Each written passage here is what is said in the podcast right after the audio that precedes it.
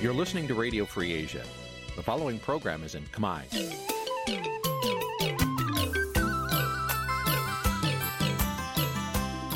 Nǐ ជាកម្មវិធីផ្សាយ Vuthu Azizi Serai នេះជាកម្មវិធីផ្សាយរបស់ Vuthu Azizi Serai ជាភាសាខ្មែរ Vuthu Azizi Serai សូមស្វាគមន៍លោកអ្នកនាងទាំងអស់ពីរដ្ឋធានី Washington នៃសហរដ្ឋអាមេរិក។ ពីរដ្ឋធានីវ៉ាស៊ីនតោនខ្ញុំបាទសេកបណ្ឌិតសូមជម្រាបសួរអស់លោកអ្នកនាងកញ្ញាទាំងអស់ជាទីមេត្រីយើខ្ញុំសូមជូនកម្មវិធីផ្សាយសម្រាប់ព្រឹកថ្ងៃសៅរ៍12រោចខែផល្គុនឆ្នាំខាលចត្វាស័កពុទ្ធសករាជ2566ត្រូវនៅថ្ងៃទី18ខែមីនា គ្រិស្តសករាជ2023បាទជាដំបូងនេះសូមអញ្ជើញអស់លោកអ្នកនាងស្ដាប់ព័ត៌មានប្រចាំថ្ងៃដែលមានមេត្តាដូចតទៅ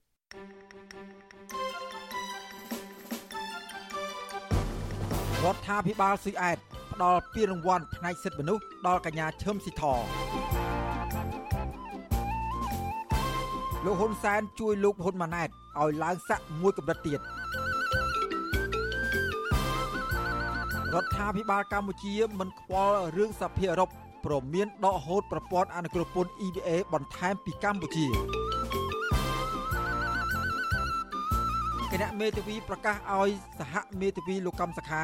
សុំការអនុញ្ញាតពីតុលាការមុននឹងជួបកូនក្តីរួមនឹងព័ត៌មានសំខាន់សំខាន់មួយចំនួនទៀត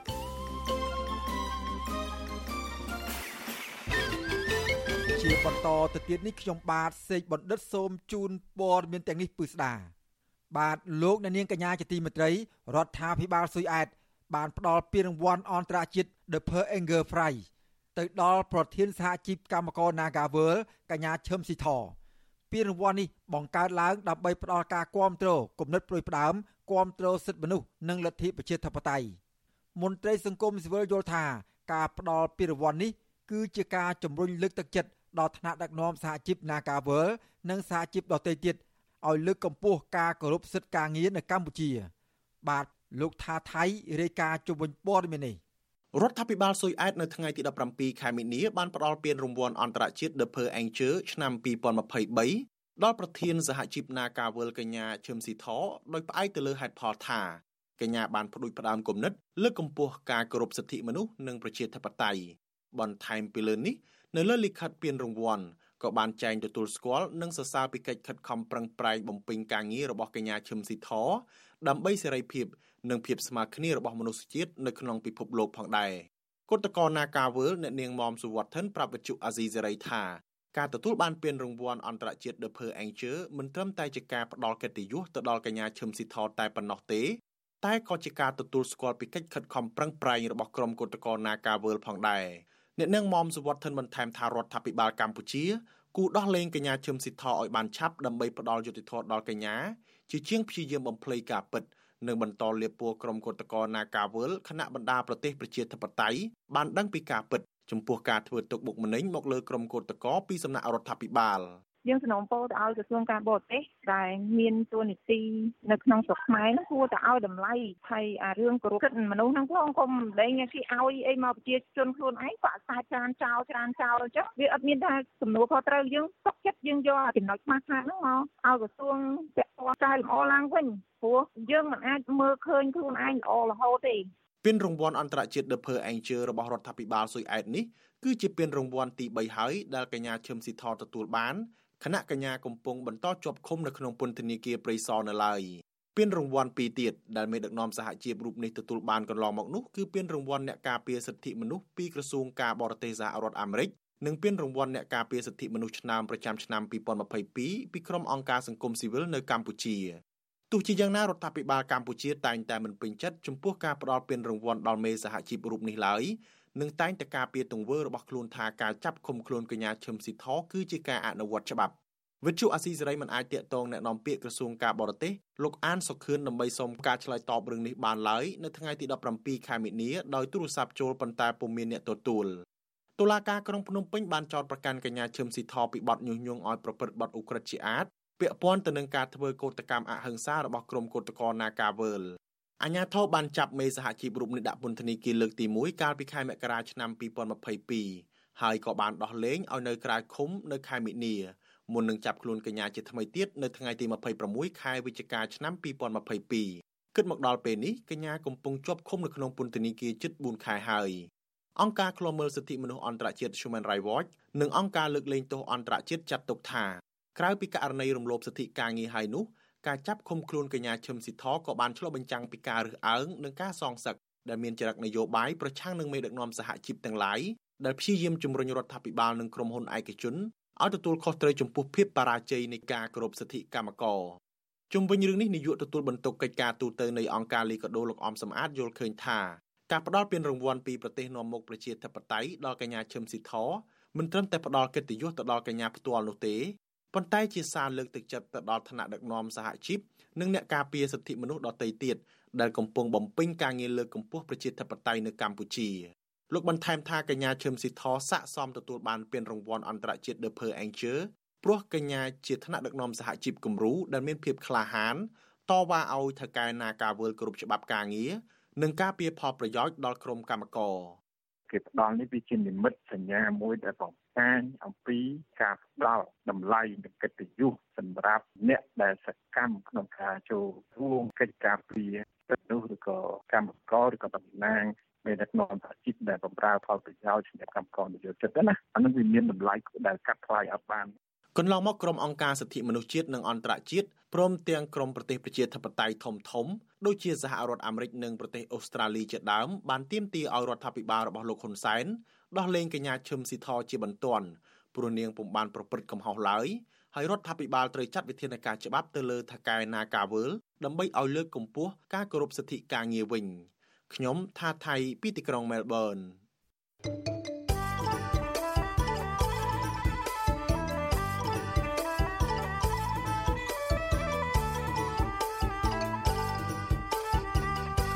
បាទលោកនាងកញ្ញាជាទីមេត្រីពាក់ព័ន្ធនឹងស្ថានភាពនយោបាយវិញលោកនាយករដ្ឋមន្ត្រីហ៊ុនសែនបានជួយកូនប្រុសច្បងរបស់លោកឲ្យបោះជំហានទៅមុខមួយជំហានទៀតហើយក្នុងផែនការផ្ទៃអំណាចតវងត្រកូល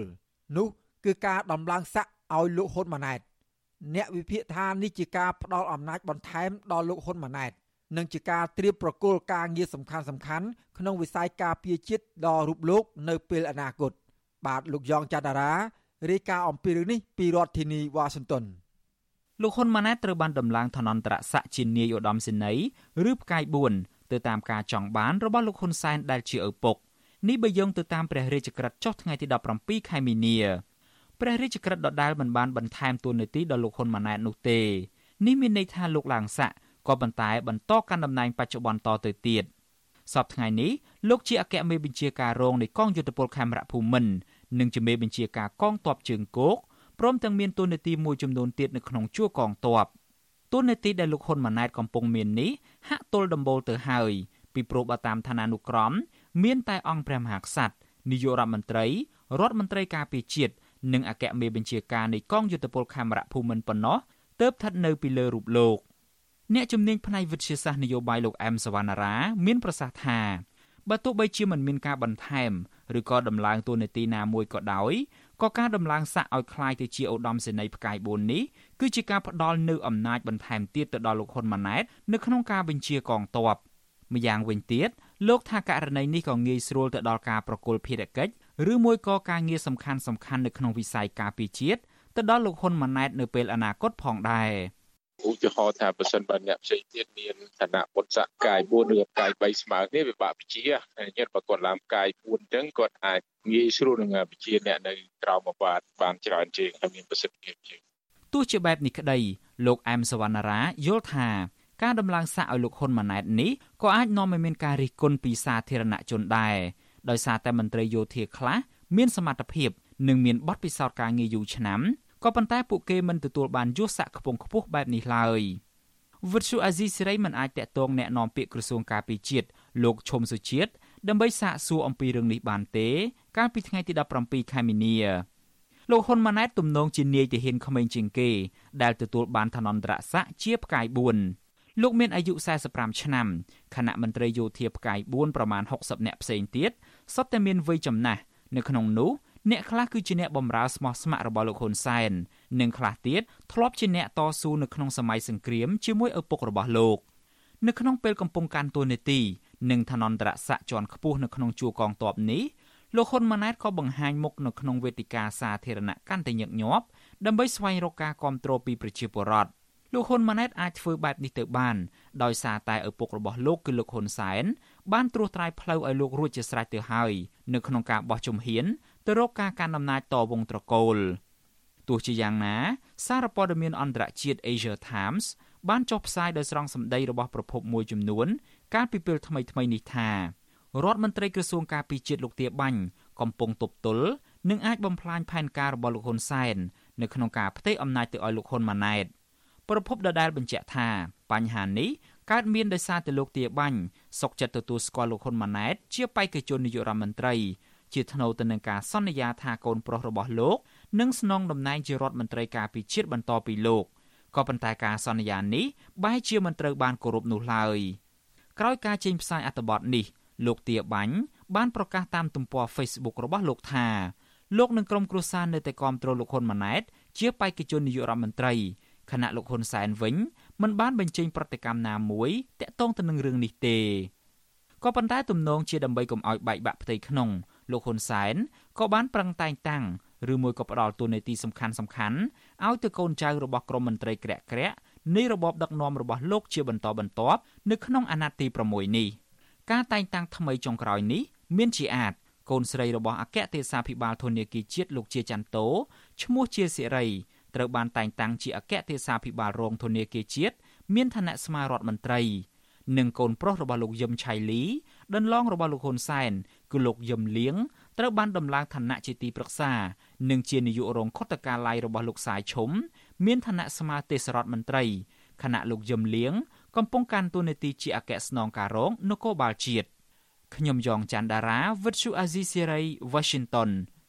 បាទលោកអ្នកនាងកញ្ញាជាទីមេត្រីពាក់ព័ន្ធនឹងការដកប្រព័ន្ធ EBA ពីកម្ពុជាវិញសភាកម្ពុជាសម្ដែងការខកចិត្តយ៉ាងខ្លាំង ចំពោះសេចក្តីសម្រេចចិត្តរបស់សហភាពអឺរ៉ុបកាលពីថ្ងៃទី16ខែមីនាជំរុញឲ្យកម្ពុជាដោះលែងលោកកំសខា សកម្មជនគណៈបកភ្លើងទៀននិងប្រមានដកហូតប្រព័ន្ធអនុគ្រោះពន្ធ EBA បន្ថែមទៀតព្រមទាំងជំរុញឲ្យកម្ពុជារៀបចំការបោះឆ្នោតដោយសេរីត្រឹមត្រូវនិងយុត្តិធម៌ព្រមទាំងអនុញ្ញាតឲ្យគ្រប់គណៈបកនយោបាយអាចធ្វើយុទ្ធនាការដោយស្មើភាពគ្នា សេចក្តីថ្លែងការណ៍រដ្ឋសភាកម្ពុជា កាលពីថ្ងៃទី17ខែមីនាអះអាងថាសេចក្តីសម្រេចចិត្តរបស់សភាអឺរ៉ុបគឺជាការរំលោភបំពានយ៉ាងធ្ងន់ធ្ងរមកលើឯកភាព និងអធិបតេយ្យរបស់រដ្ឋជាសមាជិកនៃអង្គការសហប្រជាជាតិសភាកម្ពុជាក៏បានចោទប្រកាន់សមាជិកសភាអឺរ៉ុបមួយចំនួន ថាកំពុងបំពានផ្នែកនយោបាយនិងជ្រៀតជ្រែកចូលកិច្ចការផ្ទៃក្នុងរបស់កម្ពុជា ដែលជារដ្ឋតូចជាង និងទុនខ្សោយជាង ដោយបានមើលរំលងនៅការអនុវត្តលទ្ធិប្រជាធិបតេយ្យយុត្តិធម៌និងនីតិរដ្ឋរបស់រដ្ឋាភិបាលកម្ពុជា បន្ថែមពីលើនេះរដ្ឋសភាកម្ពុជាក៏បានច្រានចោលទាំងស្រុងនៅសេចក្តីសម្រេចរបស់សភាអឺរ៉ុបទាំង7ចំណុចក្នុងនោះសភាអឺរ៉ុបក៏ជំរុញឲ្យក្រមប្រឹក្សាអឺរ៉ុបអនុវត្តដាក់ទណ្ឌកម្មជាក់លាក់មកលើបុគ្គលកម្ពុជា ដែលពាក់ព័ន្ធនឹងអំពើរំលោភសិទ្ធិមនុស្សធ្ងន់ធ្ងរព្រមទាំងអំពាវនាវដល់អាជ្ញាធរកម្ពុជា បើកឲ្យគណៈបកសង្គ្រោះជាតិរស់ឡើងវិញនិងអាចចូលរួមក្នុងការបោះឆ្នោតខាងមុខជាបន្ទាន់ផងដែរទោះយ៉ាងនេះក្តីសភាកម្ពុជាក៏បានសម្ដែងការដឹងគុណចំពោះសភាអឺរ៉ុបនិងប្រជាជនអឺរ៉ុបដែលបានផ្ដល់ការគាំទ្រដល់ការអភិវឌ្ឍនៅកម្ពុជា ជាពិសេសការស្ដារឡើងវិញនៅសេដ្ឋកិច្ចក្រោយជំងឺ Covid-19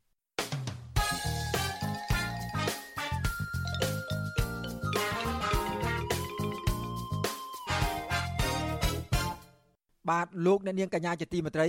ពាក់ព័ន្ធនឹងសហភាពអឺរ៉ុបប្រមានដកហូតប្រព័ន្ធអនុគ្រោះពន្ធ EBA បន្ថែមពីកម្ពុជានេះដែរមន្ត្រីរដ្ឋាភិបាលអះអាងថារដ្ឋាភិបាលមិនខ្វល់ចំពោះសេចក្តីសម្រេចសភាអឺរ៉ុបដែលប្រមានដកហូតប្រព័ន្ធអនុគ្រោះពន្ធ EBA បន្ថែមពីកម្ពុជាឡើយសភាអឺរ៉ុបកាលពីថ្ងៃទី16មីនាម្សិលមិញបានអំពាវនាវដកប្រព័ន្ធអនុគ្រោះពន្ធគ្រប់មុខទំនិញទាំងអស់ លើកលែងតែអាវុធពីកម្ពុជា ប្រសិនបើការបោះឆ្នោតនាខែកក្កដាខាងមុខប្រព្រឹត្តទៅមិនសមស្របតាមស្តង់ដារអន្តរជាតិឬប្រសិនបើនៅតែមានការបន្តរំលោភសិទ្ធិមនុស្សមន្ត្រីរដ្ឋាភិបាលចាត់ទុកសេចក្តីសម្រេចរបស់សភាអឺរ៉ុបថាជាការវាយតម្លៃមិនគ្រប់ជ្រុងជ្រោយនិងជឿលើអ្នកនយោបាយមួយក្រុមតូច ដោយមិនឆ្លុះបញ្ចាំងពីស្ថានភាពពិតជាក់ស្ដែង ក្នុងគោលបំណងបន្តបង្អាប់ ដល់កិត្តិយសកម្ពុជា អ្នកនាំពាក្យគណៈកម្មាធិការសិទ្ធិមនុស្សរបស់រដ្ឋាភិបាល លោកកតាអូន ប្រាប់បទសុអសីសេរី នៅថ្ងៃទី16ខែមីនាថា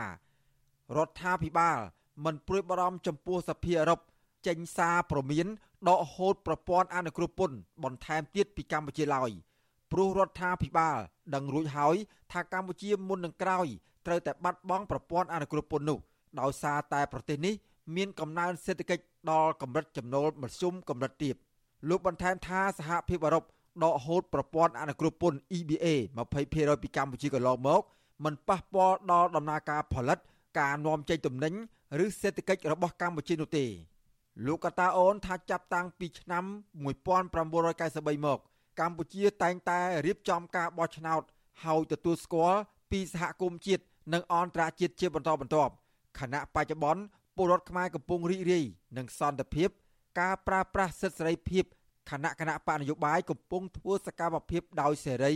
ហើយលទ្ធផលនៃការបោះឆ្នោតនៅខែកក្កដាខាងមុខនេះនឹងបង្ហាញពីឆន្ទៈរបស់ប្រជាពលរដ្ឋសិទ្ធិមនុស្សយើងហៅថាសិទ្ធិមនុស្សគឺសិទ្ធិដែលប្រើប្រាស់ ត្រឹមត្រូវតាមច្បាប់ក្នុងសង្គមនីតិរដ្ឋយើងមិនអាចគ្រប់គ្រងអ្នកប្រើប្រាស់សិទ្ធិសេរីភាពដោយរំលោភច្បាប់ទេអញ្ចឹងការដែលសហភាពអឺរ៉ុបមានចេតនាគ្រប់គ្រងទៅដល់បុគ្គលមួយចំនួនអ្នកនយោបាយមួយចំនួនដែលបំពានច្បាប់គឺថាសហគមន៍អឺរ៉ុបចង់ជំរុញឲ្យប្រទេសកម្ពុជាប្រជាជនកម្ពុជាមិនគោរពច្បាប់មិនគោរពសិទ្ធិនោះប្រតិកម្មរបស់មន្ត្រីជាន់ខ្ពស់សិទ្ធិមនុស្សរបស់រដ្ឋាភិបាលយ៉ាងដូចនេះបន្ទាប់ពីសមាជិកសភាអឺរ៉ុបច្រើនលើសលប់ កាលពីថ្ងៃទី16ខែមីនាបានអនុម័តជាផ្លូវការលើសេចក្តីសម្រេចថ្មីមួយ ដែលមាន7ចំណុចធំធំ ចំណុចសំខាន់មួយ នៃសេចក្តីសម្រេចនោះ គឺប្រមានដកហូតប្រព័ន្ធអនុគ្រោះពន្ធគ្រប់មុខទំនិញទាំងអស់លើកលែងតែអាវុធហៅកាត់ថា EBA ពីកម្ពុជាបន្ថែមទៀតប្រសិនបើការបោះឆ្នោតជាតិជ្រើសតាំងតំណាងរាស្ត្រនៅខែកក្កដាខាងមុខនេះធ្វើឡើងមិនស្របតាមស្តង់ដារអន្តរជាតិ ឬប្រសិនបើកម្ពុជានៅតែបន្តកើតមានការរំលោភសិទ្ធិមនុស្សបន្តទៀតសេចក្តីសម្រេចដែលទើបអនុម័តចុងក្រោយនេះคล้ายជាការប្រមានផ្លូវការរបស់សភាអឺរ៉ុបជាលើកទី2ក្រោយពីសហភាពអឺរ៉ុបបានដកហូតប្រព័ន្ធអនុគ្រោះពន្ធ EBA 20%ពីកម្ពុជា នៅមុនការបោះឆ្នោតជ្រើសរើសក្រុមប្រឹក្សាឃុំសង្កាត់អាណត្តិទី5កាលពីខែមិថុនាឆ្នាំ2022កន្លងទៅសហភាពអឺរ៉ុប ធ្លាប់បានអនុម័តសេចក្តីសម្រេចម្ដងរួចមកហើយដោយប្រមានពីការដកហូតប្រព័ន្ធអនុគ្រោះពន្ធ EBA ទាំងស្រុងពីកម្ពុជាបើរកឃើញថាការបោះឆ្នោតនៅកម្ពុជាធ្វើឡើងមិនត្រឹមត្រូវនិងមិនយុត្តិធម៌ជុំវិញរឿងនេះអ្នកនាំពាក្យសមាគមការពារសិទ្ធិមនុស្សអាត6លោកសឹងសានករណា បានរំលឹកថាក្រោយកិច្ចព្រមព្រៀងសន្តិភាពទីក្រុងប៉ារីសឆ្នាំ1991ប្រទេសប្រកាន់ប្រជាធិបតេយ្យធំធំ បានជួយកម្ពុជាជាហោហែជាពិសេសការផ្ដល់អនុគ្រោះពន្ធលើមុខទំនិញនាំចេញ ដែលធ្វើឲ្យកម្ពុជា មានឱកាសអភិវឌ្ឍប្រទេសលោកមើលឃើញថាករណីបន្តនីតិវិធីដកហូតប្រព័ន្ធអនុគ្រោះពន្ធបែបនេះបណ្ដាលមកពីសភាអឺរ៉ុបមើលឃើញថា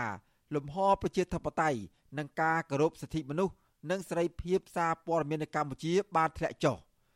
លោកសង្សានករណាយល់ឃើញថារដ្ឋាភិបាល គួរយកសំណើទាំងនោះ ទៅពិភាក្សាដោះស្រាយឲ្យបានត្រឹមត្រូវពីព្រោះវត្តមាន EBA គឺមានសារៈសំខាន់សម្រាប់ការវិនិយោគបង្កើតការងារជូនពលរដ្ឋខ្មែរ។ យល់ថាបញ្ហាទាំងអស់នេះបើសិនជាភាគីពាក់ព័ន្ធជាពិសេសរដ្ឋាភិបាលកម្ពុជា មានឆន្ទៈក្នុងការស្ដារឡើងវិញ ទៅលើអ្វីដែលជាការលើកឡើងរបស់ខាងសភាសហភាពអឺរ៉ុបខ្ញុំគិតថាធ្វើទៅបានពីព្រោះធនធាននិងអ្វីដែលមាននៅក្នុងដៃរបស់រដ្ឋាភិបាលសិតតែអាចធ្វើឲ្យមានការកែប្រែឲ្យល្អប្រសើរឡើងទៅតាមការលើកឡើងរបស់សភាអឺរ៉ុបចំណែកអ្នកនាំពាក្យគណៈបកភ្លើងទៀនវិញលោកកឹមសុភិរិទ្ធ ឲ្យដឹងថាថ្មីថ្មីនេះគណៈបកភ្លើងទៀនបានជួបជាមួយសហភាពអឺរ៉ុបនិងស្នើសុំឲ្យជួយឃ្លាំមើលដំណើរការបោះឆ្នោតខាងមុខនេះជាពិសេសការគៀបសង្កត់ការគម្រាមកំហែងលើដៃគូប្រកួតប្រជែងព្រមទាំងដោះលែងអ្នកទោសមនសិការក្រោមហេតុផលនយោបាយឲ្យវិលចូលប្រឡូកក្នុងឆាកនយោបាយឡើងវិញលោកថាបើសិនជាសហភាពអឺរ៉ុបបន្តដកហូតប្រព័ន្ធអនុគ្រោះពន្ធនៅក្រៅការបោះឆ្នោតនោះគឺជារឿងសោកស្ដាយ ពីព្រោះការបាត់បង់ EBA ធ្វើឲ្យកម្មករខ្មែររាប់សែននាក់បាត់បង់ការងារធ្វើលោកទទូចឲ្យរដ្ឋាភិបាលត្រូវពិនិត្យមើលលើលក្ខខណ្ឌរបស់សហភាពអឺរ៉ុបឡើងវិញដើម្បីលើកស្ទួយគោលនយោបាយប្រជាធិបតេយ្យនិងជាប្រយោជន៍សម្រាប់ប្រជាពលរដ្ឋខ្មែរបើរដ្ឋាភិបាលកម្ពុជាមានឆន្ទៈគិតគូរផលប្រយោជន៍ជាតិគិតគូរផលប្រយោជន៍កម្មករគិតគូរពីផលប្រយោជន៍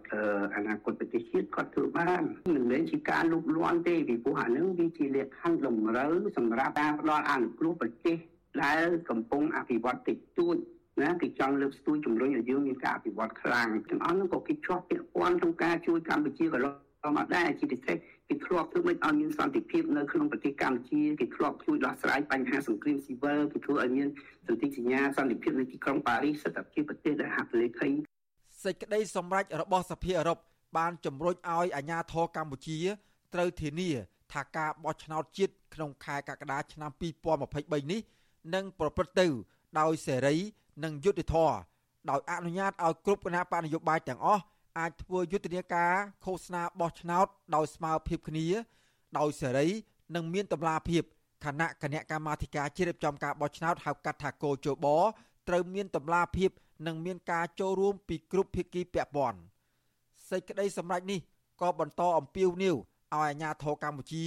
បើកឲ្យគណៈបកសង្គ្រោះជាតិរស់ឡើងវិញនិងអាចចូលរួមក្នុងការបោះឆ្នោតខាងមុខនេះជាបន្ទាន់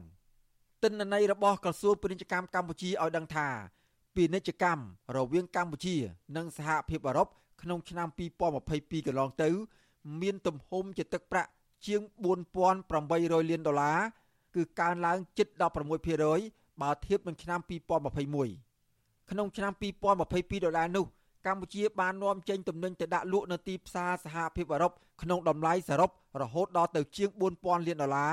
ខណៈកម្ពុជាទិញទំនិញពីអឺរ៉ុបវិញ បានត្រឹមតែជាង800លានដុល្លារប៉ុណ្ណោះខុសពីមិត្តដៃថៃចិនសហភាពអឺរ៉ុបនិងសហរដ្ឋអាមេរិកនៅតែជាទីផ្សារទំនិញដ៏ធំបំផុតរបស់កម្ពុជា ដែលអាចឲ្យកម្ពុជារកប្រាក់ចំណេញខ្លាំងខុសពីមិត្តដៃថៃចិន សហភាពអឺរ៉ុបនិងសហរដ្ឋអាមេរិកនៅតែជាទីផ្សារទំនិញដ៏ធំបំផុតចំនួន2របស់កម្ពុជា ដែលកម្ពុជារកស៊ីចំណេញខ្លាំងផ្ទុយទៅវិញ មិត្តដៃថៃចិនមិនបានផ្ដល់ផលចំណេញច្រើនដល់កម្ពុជាឡើយដោយចិនពូកែតែខាងយកទំនិញរបស់ខ្លួន មកលក់ឲ្យខ្មែរគឺរហូតទៅដល់ជិត10000លានដុល្លារខណៈប្រទេសនេះ ទិញទំនិញពីកម្ពុជាវិញបានត្រឹមតែជាង1200លានដុល្លារប៉ុណ្ណោះ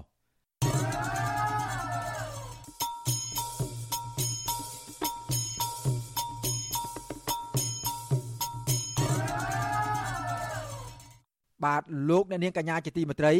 យើងមិនតន់ទៅណាឆ្ងាយអំពីព័ត៌មានដែលតាក់ទងនឹងសហភាពអឺរ៉ុបប្រមានដកហូតប្រព័ន្ធអនុគ្រោះពន្ធ EBA បន្ថែមពីកម្ពុជានោះទេ បាទតាក់ទងនឹងរឿងនេះក្រមសហជីព និងកម្មករអំពាវនាវដល់រដ្ឋាភិបាលឲ្យបើកលំហសិទ្ធិសេរីភាពបញ្ចេញមតិនិងការគោរពសិទ្ធិមនុស្សឡើងវិញពួកគេអះអាងថា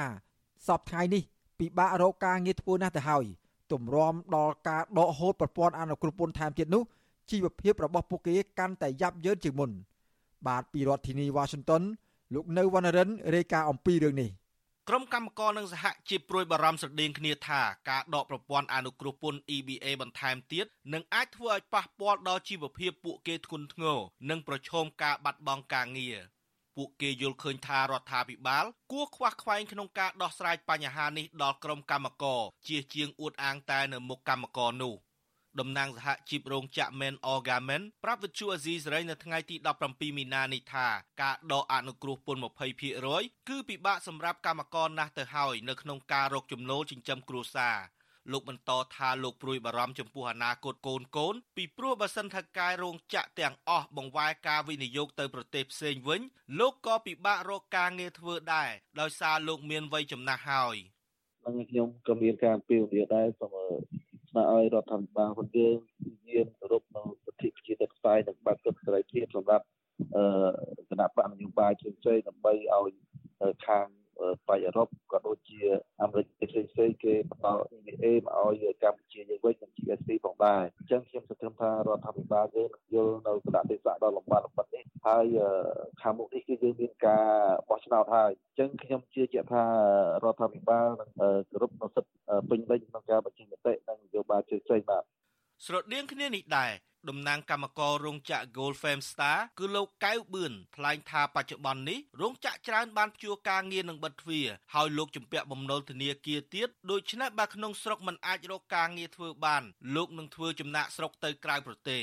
លោកថានេះគឺដោយសារតែកម្ពុជាមិនគោរពសិទ្ធិមនុស្សនិងគំរាមកំហែងលើអ្នកមានមនសិការស្នេហាជាតិ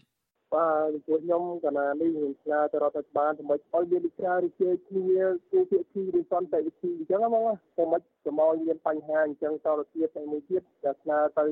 រដ្ឋាភិបាលសូមអនុគ្រោះអា TSP ដដែលអញ្ចឹងហ្មងហើយនៅសហភាពអឺរ៉ុបហ្នឹងសូមមកកុំឲ្យសូមមកប្រតាមទៀតទៅបានច្រើនដូចមុនដដែលអញ្ចឹងណា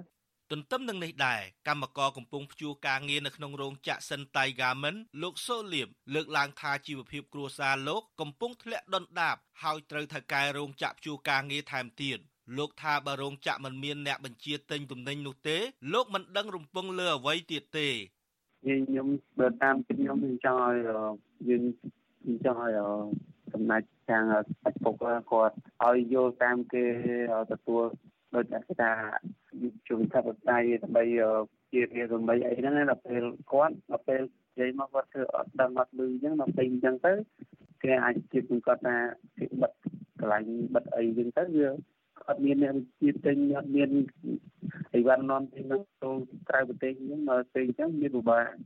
ទាំងកម្មករនិងសហជីពស្នើឲ្យរដ្ឋាភិបាលគោរពសិទ្ធិមនុស្សបើកលំហសេរីភាពឲ្យពលរដ្ឋចូលរួមបញ្ចេញមតិឲ្យបានពេញលេញនិងរៀបចំឲ្យមានប្រព័ន្ធបោះឆ្នោតមួយដោយយុត្តិធម៌និងតម្លាភាពដើម្បីធានាថាកម្ពុជាទទួលបានការទុកចិត្តពីសហភាពអឺរ៉ុបនិងសហរដ្ឋអាមេរិកឡើងវិញដូច្នេះនេះជាកាតព្វកិច្ចដែលរដ្ឋគួរតែបំពេញដើម្បីទទួលបានប្រព័ន្ធអនុគ្រោះពន្ធ EBA និង GSP ពីសហរដ្ឋអាមេរិក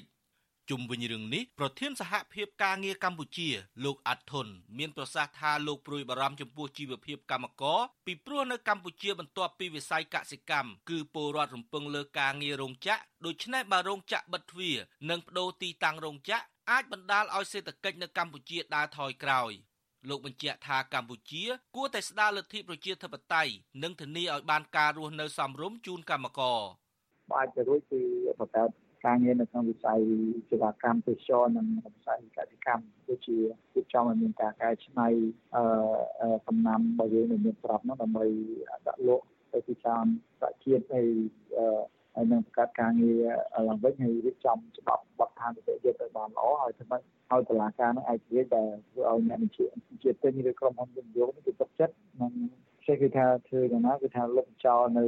កាយវិការសត្វស្បៃនិងអំពើពុករលួយទាំងឡាយដែលវាប៉ះពាល់ទៅដល់អ្នកវិនិយោគបើទោះជាយ៉ាងនេះក្តីទាំងសហជីពនិងកម្មករនៅតែទទូចឲ្យរដ្ឋាភិបាលបញ្ឈប់ការរំលោភសិទ្ធិមនុស្សការប្រើហិង្សាគ្រប់រូបភាពមកលើកម្មករសហជីពសកម្មជនសង្គមនិងសកម្មជននយោបាយហើយត្រូវងាកមកស្ដារលទ្ធិប្រជាធិបតេយ្យនិងជំរុញឲ្យមន្ត្រីគ្រប់ជាន់ថ្នាក់ពង្រឹងនៅការអនុវត្តច្បាប់ កាលពីឆ្នាំ2020សហភាពអឺរ៉ុបបានដកប្រព័ន្ធអនុគ្រោះពន្ធ EBA 20%ពីកម្ពុជាលើតម្លៃទំនិញនាំចូលទីផ្សារអឺរ៉ុបជាង1000លានដុល្លារនេះគឺដោយសារតែរដ្ឋាភិបាលរបស់លោកនាយករដ្ឋមន្ត្រីហ៊ុនសែនរំលាយគណៈបកសង្គ្រោះជាតិកាលពីចុងឆ្នាំ2017និងរៀបចំព្រឹត្តិការណ៍បោះឆ្នោតជាតិដែលរងនឹងការរិះគន់ថាជាការបោះឆ្នោតคล้ายៗឬបង្ក្រប់កិច្ចកាលពីខែកក្កដាឆ្នាំ2018កន្លងទៅ។ របាយការណ៍របស់កម្មវិធីអភិវឌ្ឍសហប្រជាជាតិហៅកាត់ថា UNDP ចេញផ្សាយកាលពីខែតុលាឆ្នាំ2020បង្ហាញថានៅក្នុងឆ្នាំ2018មានពលរដ្ឋខ្មែររហូតដល់ទៅ35%ឬស្មើនឹង5លាន6សែននាក់កំពុងរស់នៅក្នុងស្ថានភាពក្រីក្រខ្ញុំបាទនៅវណ្ណរិន With Chu Azizi Saray ពីរដ្ឋធានី Washington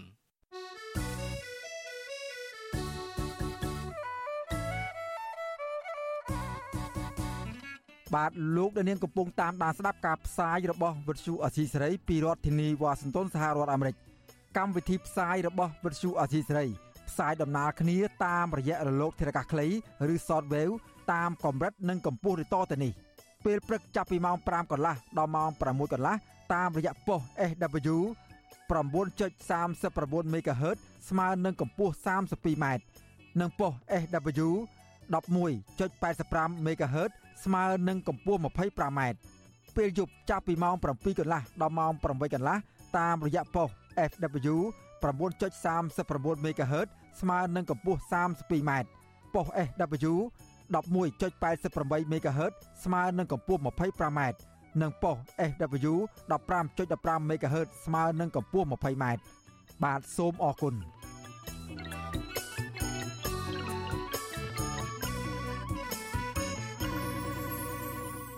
បាទលោកនាងកំពុងតាមដានស្ដាប់ការផ្សាយរបស់វិទ្យុអសីសេរីពីរដ្ឋធានីវ៉ាស៊ីនតោនសហរដ្ឋអាមេរិកបាទឥឡូវនេះពាក់ព័ន្ធនឹងស្ថានភាពរបស់កម្មកររោងចក្រកាត់ដេរវិញម្ដងក្រសួងការងារនិងបណ្ដុះបណ្ដាលវិជ្ជាជីវៈរៀបចំព្រឹត្តិការណ៍ជ្រើសរើសកម្មករឲ្យចូលបម្រើការងារនៅតាមរោងចក្រសហគ្រាសក្នុងខេត្តកំពង់ស្ពឺបន្ទាប់ពីពួកគេបាត់បង់ការងារដោយសារតែរោងចក្រនៅក្នុងរាជធានីភ្នំពេញជាច្រើនបានបិទទ្វារមន្ត្រីសង្គមស៊ីវិលថារដ្ឋាភិបាល និងក្រសួងពាក់ព័ន្ធថាគួរស្វាស្វែងបង្កើតការងារនៅក្នុងវិស័យផ្សេងៗទៀតដើម្បីបង្កើនឱកាសការងារដល់កម្មករឲ្យកាន់តែច្រើន និងសម្បូរបែបបាទពីរដ្ឋធានីវ៉ាស៊ីនតោនលោកទីនសាការីយ៉ារាយការណ៍អំពីរឿងនេះកាលពីថ្ងៃទី17មីនាបានរៀបចំព្រឹត្តិការណ៍ជ្រើសរើសកម្មករនិងនយោជិតនៅក្រុងច្បារមនខេត្តកំពង់ស្ពឺដោយមានរោងចក្រចំនួន5ចូលរួមជ្រើសរើសកម្មករជាង5000នាក់ហើយការបង្កើតកម្មវិធីនេះ គឺស្របពេលដល់កម្មកររោងចក្រសហគ្រាសជាង50000នាក់បាត់បង់ការងារធ្វើដោយសារតែរោងចក្រព្យួរកិច្ចសន្យានិងបិទទ្វារក្រុមហ៊ុនទាំងនោះភាគច្រើនជាក្រុមហ៊ុនចិនដែលក្រុងនឹងបើករោងចក្រកាត់ដេរសម្លៀកបំពាក់និងស្បែកជើងក្រសួងរៀបរាប់ថាការរៀបចំវេទិកាការងារនេះគឺជាការអន្តរាគមន៍ដោះស្រាយការងារជាបន្ទាន់មួយទៀតរបស់រដ្ឋាភិបាលដើម្បីជួយដល់កម្មករឲ្យឆាប់ទទួលបានការងារថ្មីឡើងវិញដើម្បីរក្សាលំនឹងជីវភាព និងប្រាក់ចំណូលបន្ថែម ពីលើការទទួលបានការឧបត្ថម្ភសាច់ប្រាក់ដូចជាអំឡុងពេលនៃការព្យួរកិច្ចសន្យាការងារក្នុងពេលរីករាលដាលជំងឺ Covid-19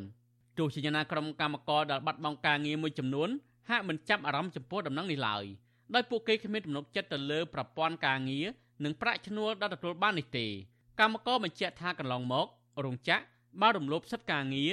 ដោយមិនគិតគូរប្រាក់អត្ថប្រយោជន៍ឲ្យកម្មករនៅពេលបញ្ចប់ពីការងារក្រោយពីលួចបិទរោងចក្រស្ងាត់ស្ងាត់ ការព្យួរកិច្ចសន្យាការងារលើសពីពេលកំណត់និងការកេងកម្លាំងពលកម្មជាដើម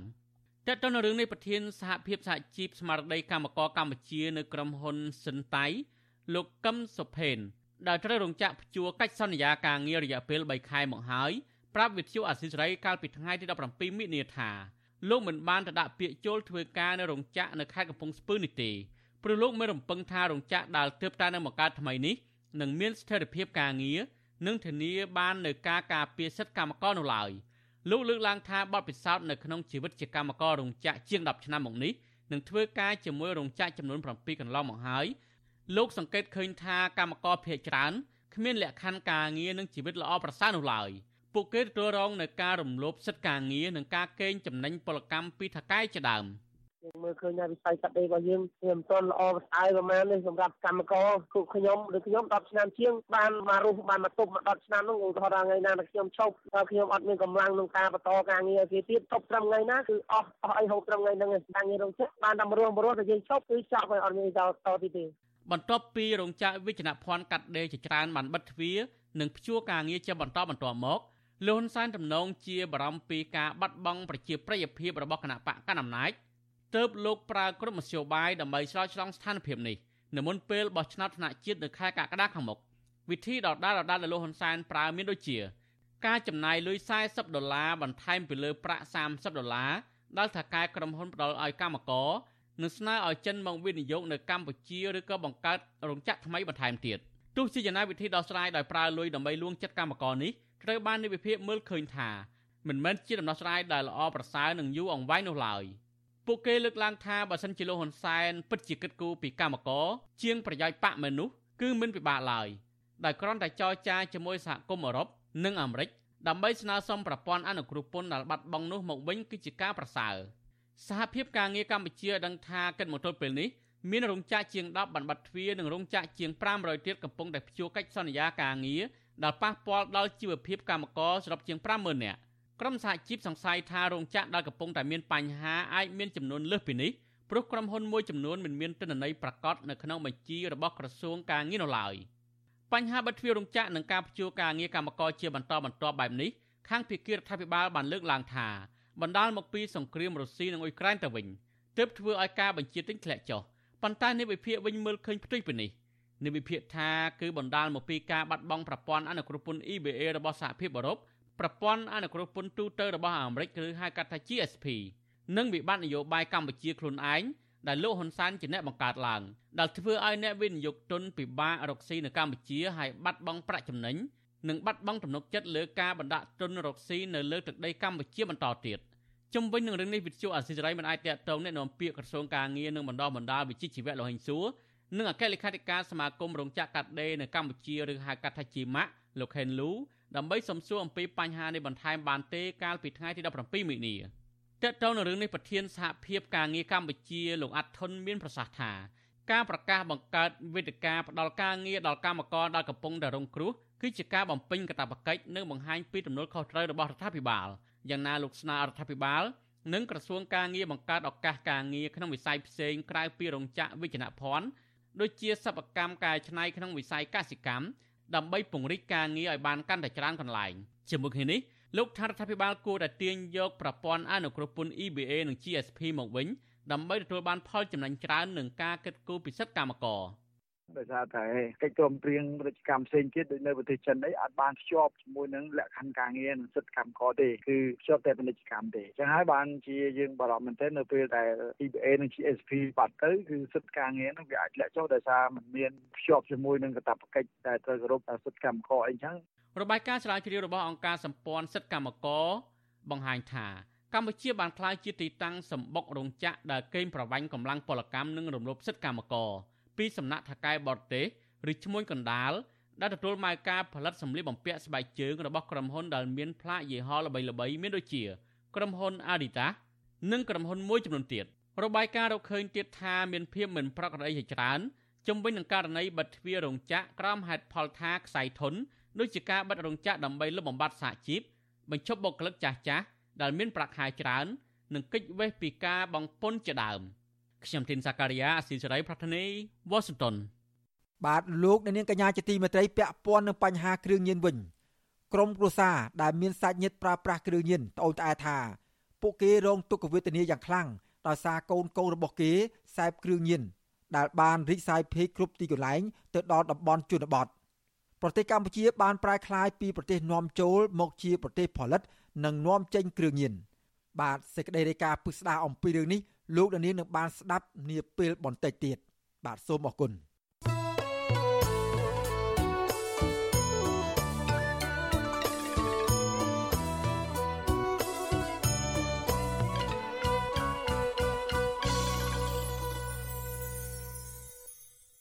បាទលោកនាងកញ្ញាជាទីមេត្រីឥឡូវនេះយើងត្រឡប់មកមើលស្ថានភាពរបស់មេដឹកនាំគណៈបកសង្គ្រោះជាតិគឺលោកកំសខាវិញម្ដងគណៈមេធាវី ឲ្យសហមេធាវីការពារក្តីឲ្យលោកកំសខាត្រូវអនុវត្តសាលក្រមព្រហ្មទណ្ឌរបស់សាលាដំបងរាជធានីភ្នំពេញគឺត្រូវសុំការអនុញ្ញាតពីព្រះរាជអាជ្ញាជាមុនសិនមុននឹងទៅជួបលោកកំសខាគណៈមេធាវីបានទទួលលិខិតជូនដំណឹងរបស់សហមេធាវីការពារក្តីលោកកំសខាពីររូបគឺលោកមេធាវីអាងឧត្តមនិងអ្នកស្រីមេងសុភារីពាក់ព័ន្ធនឹងការហាមឃាត់មិនឲ្យចូលជួបលោកកំសខា ដែលនៅជាប់ឃុំខ្លួននៅក្នុងផ្ទះបានគណៈមេធាវីបានសម្រេចឲ្យសហមេធាវីលោកកំសខាអនុវត្តខ្លឹមសារសាលក្រមសាលាដំបង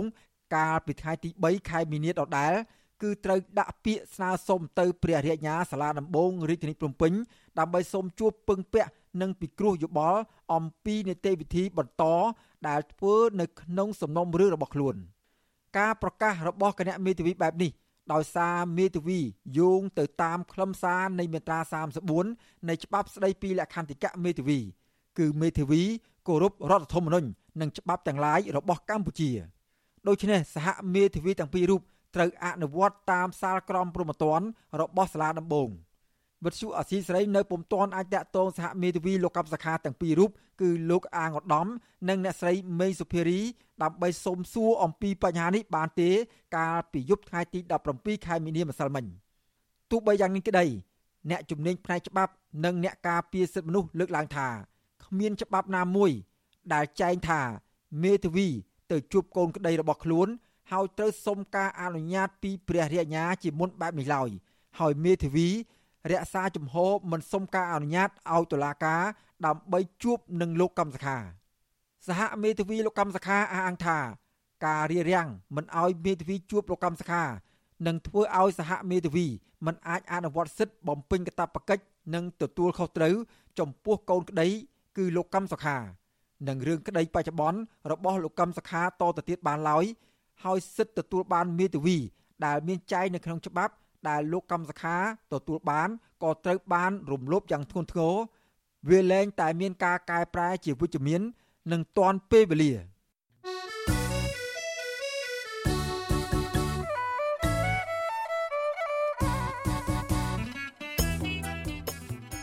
បាទលោកនាងកញ្ញាជាទីមេត្រី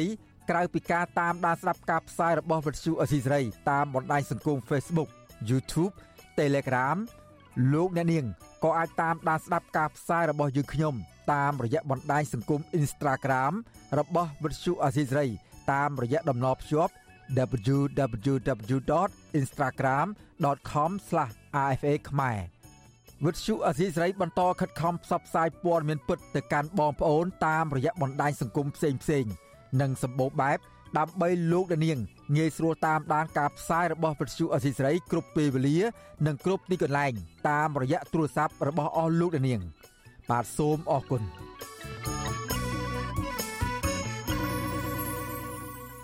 បាទលោកដានាងកញ្ញាជាទីមេត្រី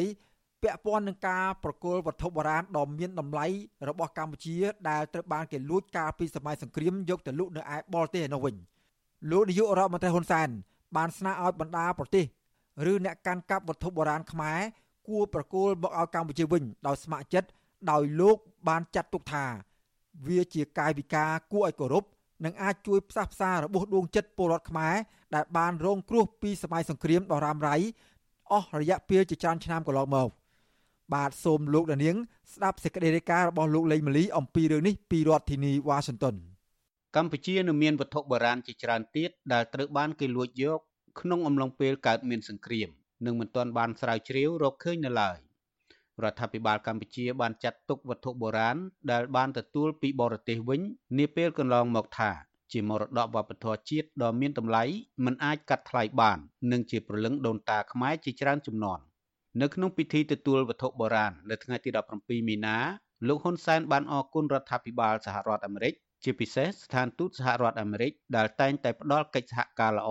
និងការគ្រប់គ្រងទាំងផ្នែកផ្លូវច្បាប់និងបច្ចេកទេសដើម្បីទប់ស្កាត់ការជួញដូរខុសច្បាប់នៃសម្បត្តិវប្បធម៌ខ្មែរហើយបញ្ជូនត្រឡប់មកប្រទេសកំណើតវិញ។លោកក៏អរគុណបណ្ដាប្រទេសមួយចំនួនទៀតរួមទាំងអង្គការអន្តរជាតិនានានិងចក្រភពអង់គ្លេសដែលបានជួយសម្របសម្រួលប្រគល់វត្ថុបុរាណខ្មែរមកកម្ពុជា កាលពីខែកុម្ភៈ លោកហ៊ុនសែនបន្តថាកម្ពុជាកំពុងបន្តស្រាវជ្រាវប្រមូលភស្តុតាងនៃសម្បត្តិវប្បធម៌ដែលត្រូវបានគេលួចចេញពីកម្ពុជា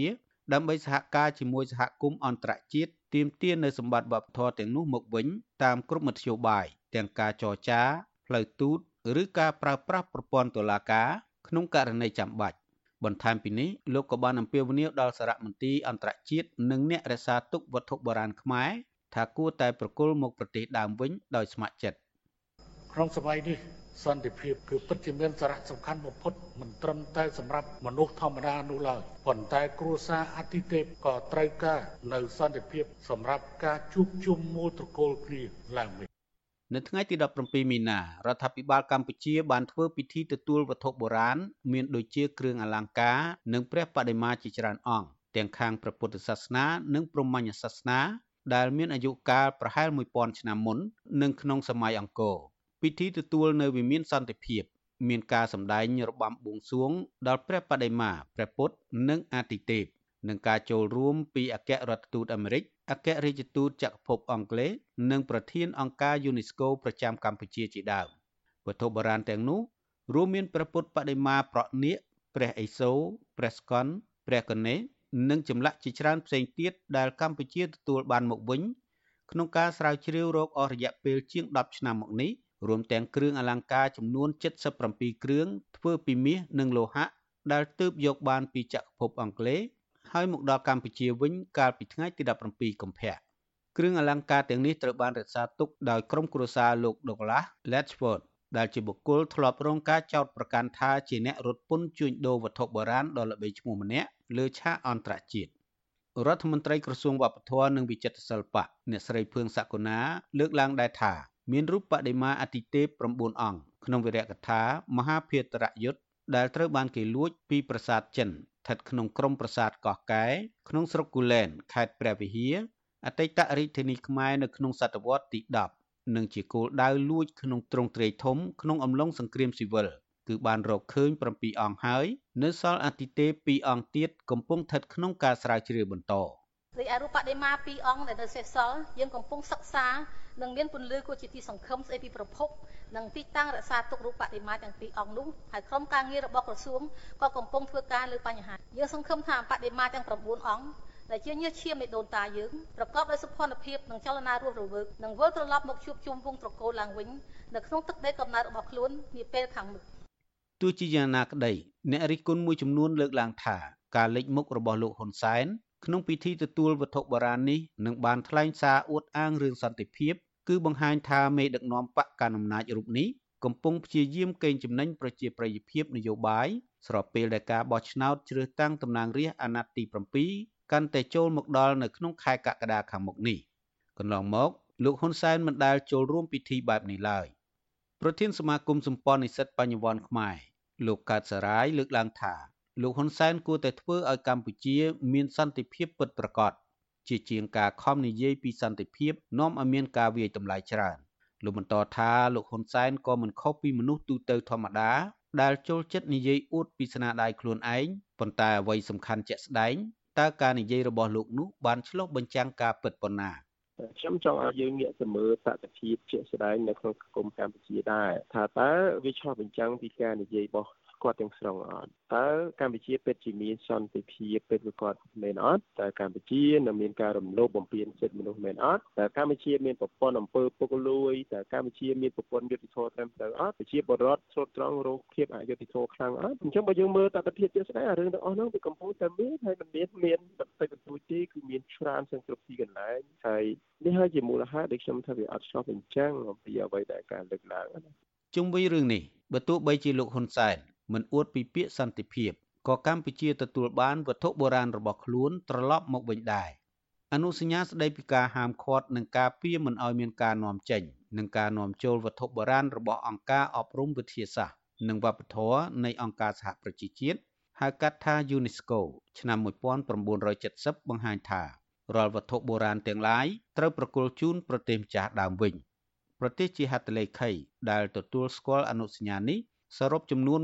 128ប្រទេសក្នុងនោះកម្ពុជាបានក្លាយជាប្រទេសហត្ថលេខីនៅថ្ងៃទី20ខែកញ្ញាឆ្នាំ1972ចំណែកបារាំងបានទទួលយកអនុសញ្ញានេះនៅថ្ងៃទី7ខែមករាឆ្នាំ1997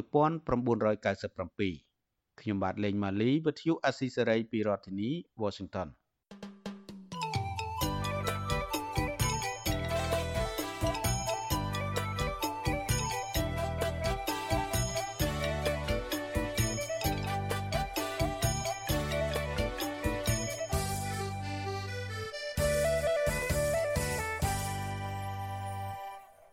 បាទលោកអ្នកនាងកញ្ញាជាទីមេត្រីពាក់ព័ន្ធនឹងបញ្ហាគ្រឿងញៀនវិញក្រមគ្រួសារដែលមានសាច់ញាតិប្រើប្រាស់គ្រឿងញៀនត្អូញត្អែថាពួកគេរងទុក្ខវេទនាយ៉ាងខ្លាំងដោយសារកូនកូនរបស់គេសែបគ្រឿងញៀនដែលបានរីកសាយភាយគ្រប់ទីកន្លែងទៅដល់តំបន់ជនបទប្រទេសកម្ពុជាបានប្រែក្លាយពីប្រទេសនាំចូលមកជាប្រទេសផលិត និងនាំចេញគ្រឿងញៀនបាទពីរដ្ឋធានីវ៉ាស៊ីនតោនលោកនៅវណ្ណរិន មានសេចក្តីរាយការណ៍ដាច់ដライមួយទៀតអំពីព័ត៌មាននេះ ពលរដ្ឋខ្មែរដែលមានសាច់ញាតិប្រើប្រាស់គ្រឿងញៀនរងការបំផ្លាញស្ទើរទាំងស្រុងក្នុងគ្រួសារទាំងការខាតបង់សេដ្ឋកិច្ចមានបញ្ហាផ្លូវចិត្តរួមទាំងមានបញ្ហាហិង្សាផ្សេងផ្សេងទៀតផងពលរដ្ឋរស់នៅក្នុងខេត្តកណ្ដាលដែលសូមដាក់ឈ្មោះថាវុធីព្រោះបារម្ភពីសុវត្ថិភាពផ្ទាល់ខ្លួនឲ្យដឹងថាសមាជិកក្រុមគ្រួសារម្នាក់របស់លោកបានប្រើប្រាស់គ្រឿងញៀនចាប់តាំងពីឆ្នាំ2015មក លោកថាមកទល់ពេលនេះក្រុមគ្រួសារទាំងមូលហាក់ធ្លាក់ទៅក្នុងស្ថានភាពមួយផ្សេងទៀតធ្វើឲ្យសមាជិកមានការតក់ស្លុតគ្រប់គ្រប់គ្នាលោកវុធីបន្តថាពេលដែលឃើញសមាជិកគ្រួសារលោកបាត់បង់ការសិក្សាតាំងពីវ័យ15ឆ្នាំហើយធ្លាក់ខ្លួនទៅជាមនុស្សផ្សេងគឺនិយាយម្នាក់ឯងមិនជួយធ្វើការងារពេលខ្លះដើរចោលផ្ទះនិងពេលខ្លះដេកពេញមួយថ្ងៃធ្វើឲ្យលោកពិបាកចិត្តខ្លាំង អាចថាគ្រប់ដួលផងតក់ស្លុតផងរឿងនោះវាមិននឹកស្មានថាក្រុមគ្រួសារយើងយើងមានហេតុការណ៍នឹងកើតឡើងលោកវិធាឲ្យដឹងទៀតថានៅពេលដែលសាច់ញាតិរបស់លោកចាប់ផ្ដើមប្រើប្រាស់គ្រឿងញៀនគឺអ្នកភូមិហាក់ដូចជាមានការរើសអើងក្រុមគ្រួសាររបស់លោកខ្លាំង ពលរដ្ឋម្នាក់ទៀតនៅក្នុងរាជធានីភ្នំពេញដែលប្រាប់ឈ្មោះត្រឹមថាមករាព្រោះបារម្ភពីសុវត្ថិភាពផ្ទាល់ខ្លួនផងដែរបានរៀបរាប់ថាសមាជិកគ្រួសាររបស់លោកម្នាក់បានប្រើប្រាស់គ្រឿងញៀនជាង10ឆ្នាំហើយលោកថានៅពេលដែលសមាជិកនោះវក់នឹងគ្រឿងញៀនឬហៅម្យ៉ាងទៀតថាបែកថ្នាំម្ដងម្ដងគឺតែងតែបង្កចំនួនបំផ្លាញទ្រព្យសម្បត្តិក្នុងផ្ទះ លោកថាចំនួនកើតឡើងទាំងយប់ទាំងថ្ងៃហើយអ្នកដែលអាណិតជាងគេគឺមនុស្សវ័យចាស់និងកូនក្មេងនៅក្នុងគ្រួសារដែលតែងតែយំនិងភ័យខ្លាច អ្នកដែលធ្លាក់ទៅក្នុងគ្រឿងញៀនតាមមនុស្សឈួតហ្នឹងគេលែងរវល់ណាចំពោះខ្ញុំទៅសាច់ញាតិដែលធ្លាក់យ៉ាងចឹងខ្ញុំមានអារម្មណ៍ថាដូចអាណិតពួកគាត់ទី1ទី2អាណិតដែលចាស់ទុំក្មេងៗនៅក្នុងផ្ទះហ្នឹងខ្ញុំមិនដឹងថាធ្វើឲ្យពួកគាត់ហ្នឹងវាមានអាហារមានសន្តិភាពក្នុងផ្លូវចិត្តហ្នឹងថាឃើញហឹង្សាអញ្ចឹងណាអញ្ចឹងខ្ញុំខ្ញុំចេះតែចិត្តមិនដាច់ខ្ញុំចេះតែជួយសម្របសម្រួលចេះតែជួយរ៉ាប់រងគ្រឿងមួយចំនួនដែលអាចធ្វើបានអញ្ចឹងណា លោកបន្តទៀតថារូបលោកនិងអ្នកភូមិផ្សេងទៀតធ្វើដំណើរពេលយប់ឬកន្លែងស្ងាត់មិនខ្លាចខ្មោចដូចសម័យមុនទេ គឺពួកគេខ្លាចអ្នកញៀនថ្នាំឬខ្លាចការប្រើហិង្សាពីក្រុមអ្នកញៀនថ្នាំទាំងនោះវិញទេអ្នកដែលមានសាច់ញាតិប្រើប្រាស់គ្រឿងញៀនម្នាក់ទៀតនៅក្នុងរាជធានីភ្នំពេញគឺលោកប៊ុនគៀរៀបរាប់ប្រាប់ថាស្ថានភាពក្រុមគ្រួសាររបស់លោកក៏មិនខុសពីគ្រួសារផ្សេងទៀតដែរដែលមានសមាជិកញៀនថ្នាំធ្លាក់ចូលទៅក្នុងភាពច្របូកច្របល់ លោកបន្តថាសមាជិកគ្រួសាររបស់លោករូបនោះបានផ្ដាច់គ្រឿងញៀន3ទៅ4ដងហើយក៏ប៉ុន្តែក្រោយមកធ្លាក់ខ្លួនមកប្រើប្រាស់គ្រឿងញៀនឡើងវិញលោកប៊ុនគៀបន្តថាដោយក្តីអាណិតស្រឡាញ់គ្រួសាររបស់លោកលោកនៅតែបន្តអោបទុកលំបាកជួយសង្គ្រោះរយៈពេលជាង10ឆ្នាំមកហើយបើទោះជាសមាជិករូបនោះបង្កចំនួនក្នុងគ្រួសារជាបន្តបន្ទាប់ក៏ដោយវាធ្វើឲ្យក្នុងគ្រួសារនោះល្អកកមិនសប្បាយចិត្តដូចថាមានរឿងមិនសប្បាយចិត្ត10ឆ្នាំជាងនេះណា អញ្ចឹងធម្មតាកាលណាយើងមានគ្រួសារអញ្ចឹងយើងមិនអាចថាកាត់ការគាត់ចោលឬមើលគាត់នៅចង់ឲ្យគាត់កាយខ្លួនចឹងក្នុងនាមជាកូនជាប្អូនចឹងអញ្ចឹងក្នុងគ្រួសារគឺជួបរឿងអត់សុបាយចិត្តជួបរឿងលំបាកយើងអស់ទាំងលុយកាក់មិនសុបាយចិត្តខាតទាំងពេលវេលាជាមួយគាត់អញ្ចឹងដែរ កូនអ្នកភូមិដែលប្រើប្រាស់គ្រឿងញៀនគឺរងគ្រោះមួយដំណាក់កាលពីអ្នកជួញដូរហើយពួកគេត្រូវរងគ្រោះបន្តបន្ទាប់ទៀតដូចជាសមត្ថកិច្ចមូលដ្ឋានចាប់វាយដំឬចាប់ទារប្រាក់ពីក្រុមគ្រួសារជាធ្នូនឹងការដោះលែងរួចចាប់ខ្លួនទៅវិញដើម្បីទារលុយសារជាថ្មីសកម្មភាពបែបនេះធ្វើឲ្យអ្នករងគ្រោះកាន់តែរងគ្រោះហើយការចែកចាយនិងប្រើប្រាស់គ្រឿងញៀននៅមូលដ្ឋានក៏មិនថយចុះទេ យុវជនមួយចំនួនដែលញៀនថ្នាំធ្វើឲ្យបង្វេងសតិស្មារតីឬហៅថាបែកថ្នាំនិយាយមិនដឹងខុសដឹងត្រូវពេលខ្លះត្រូវបានអ្នកប្រើប្រាស់បណ្ដាញសង្គមចែករំលែកដើម្បីជាការលេងសើចក៏ប៉ុន្តែពួកគេមិនបានគិតទេថាបើអ្នកទាំងនោះជាកូនចៅរបស់ពួកគេវិញតើរងការឈឺចាប់ប៉ុណ្ណាហើយបើសង្គមជាតិមានអ្នកបែកថ្នាំរបៀបនេះកើនឡើងកាន់តែច្រើនឡើងច្រើនឡើងតើសង្គមខ្មែរនឹងคล้ายទៅជាយ៉ាងណា ពាក់ព័ន្ធនឹងរឿងនេះលោកសខេងរដ្ឋមន្ត្រីក្រសួងមហាផ្ទៃថ្លែងការពីឆ្នាំ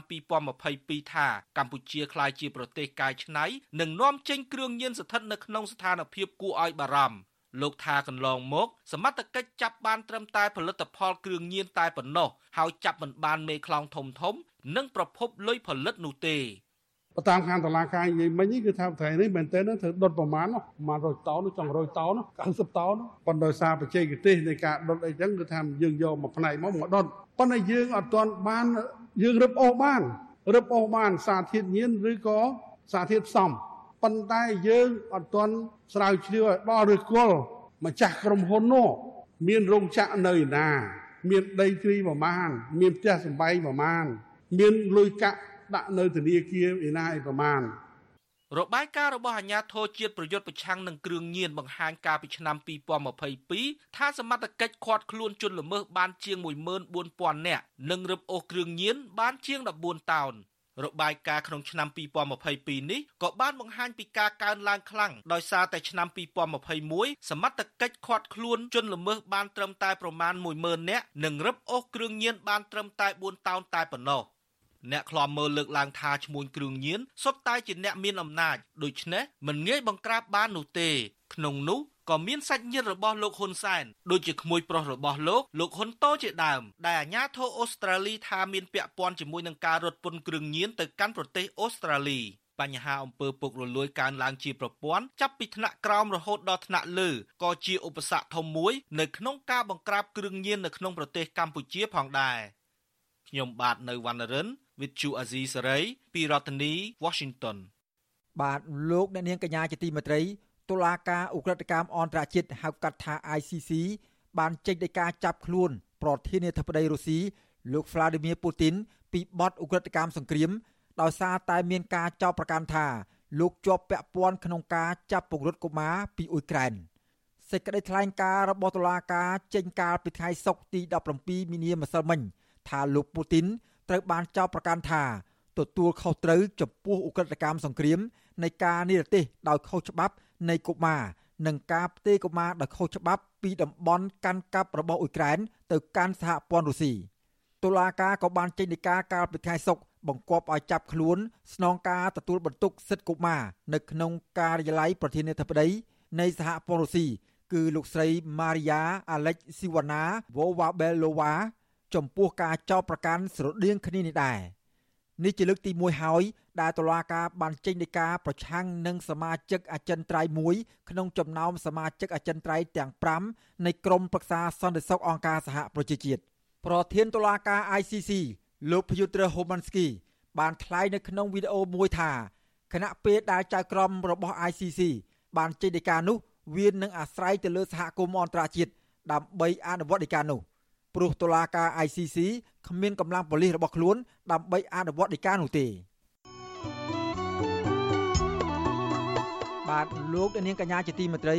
ក្នុងឱកាសនេះដែរខ្ញុំបាទសូមថ្លែងអំណរគុណដល់លោកនាងកញ្ញាទាំងអស់ដែលតែងតែមានភក្ដីភាពចំពោះការផ្សាយរបស់យើងហើយចាត់ទុកការស្ដាប់វិទ្យុអសីសេរីជាផ្នែកមួយនៃសកម្មភាពប្រចាំថ្ងៃរបស់អស់លោកនាង ការគ្រប់គ្រងរបស់អស់លោកនាងនេះហើយ ដែលធ្វើឲ្យយើងខ្ញុំមានទឹកចិត្តកាន់តែខ្លាំងក្លាថែមទៀតក្នុងការស្វែងរកនិងផ្តល់ព័ត៌មានជូនដល់លោកនាង មានលោកនាងទស្សនាកាន់តែច្រើន កាន់តែធ្វើឲ្យយើងខ្ញុំ មានភាពស្វាហាប់មោះមុតជាបន្តទៅទៀតយើងខ្ញុំសូមអរគុណទុកជាមុនហើយសូមអញ្ជើញអស់លោកនាងកញ្ញាចូលរួមជំរុញឲ្យសកម្មភាពផ្តល់ព័ត៌មានរបស់យើងនេះកាន់តែជោគជ័យបន្ថែមទៀត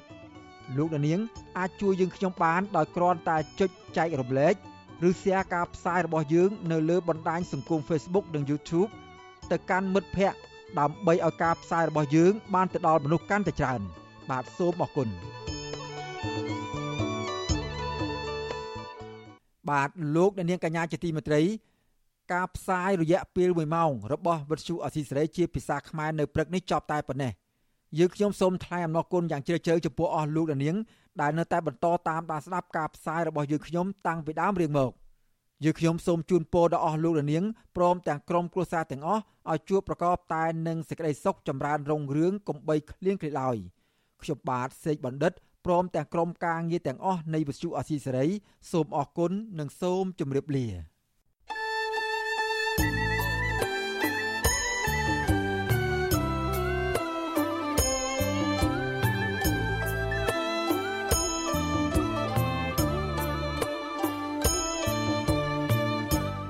វិទ្យុអាស៊ីសេរីផ្សាយតាមរលកធារកាសខ្លីឬ shortwave តាមកម្រិតនិងកម្ពស់ដូចតទៅនេះពេលព្រឹកចាប់ពីម៉ោង5កន្លះដល់ម៉ោង6កន្លះតាមរយៈប៉ុស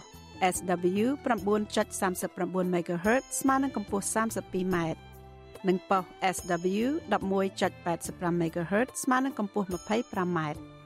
ពេលយប់ចាប់ពីម៉ោង7កន្លះដល់ម៉ោង8កន្លះតាមរយៈប៉ុស SW 9.39 MHz ស្មើនឹងកម្ពស់ 32m ប៉ុស SW 11.88 MHz ស្មើនឹងកម្ពស់ 25m និងប៉ុស SW 15.15 MHz ស្មើនឹងកម្ពស់ 20m